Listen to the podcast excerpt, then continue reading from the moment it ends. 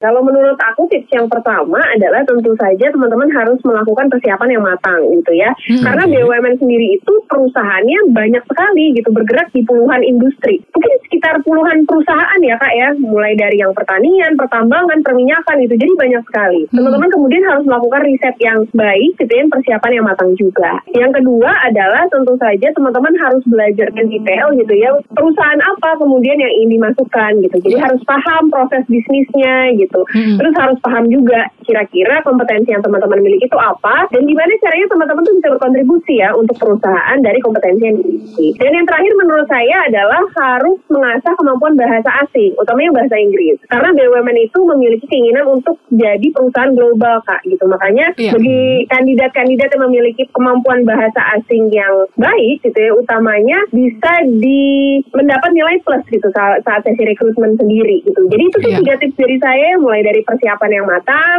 wow. riset yang dalam gitu uh -huh. ya, dan juga harus berlatih kemampuan bahasa asing.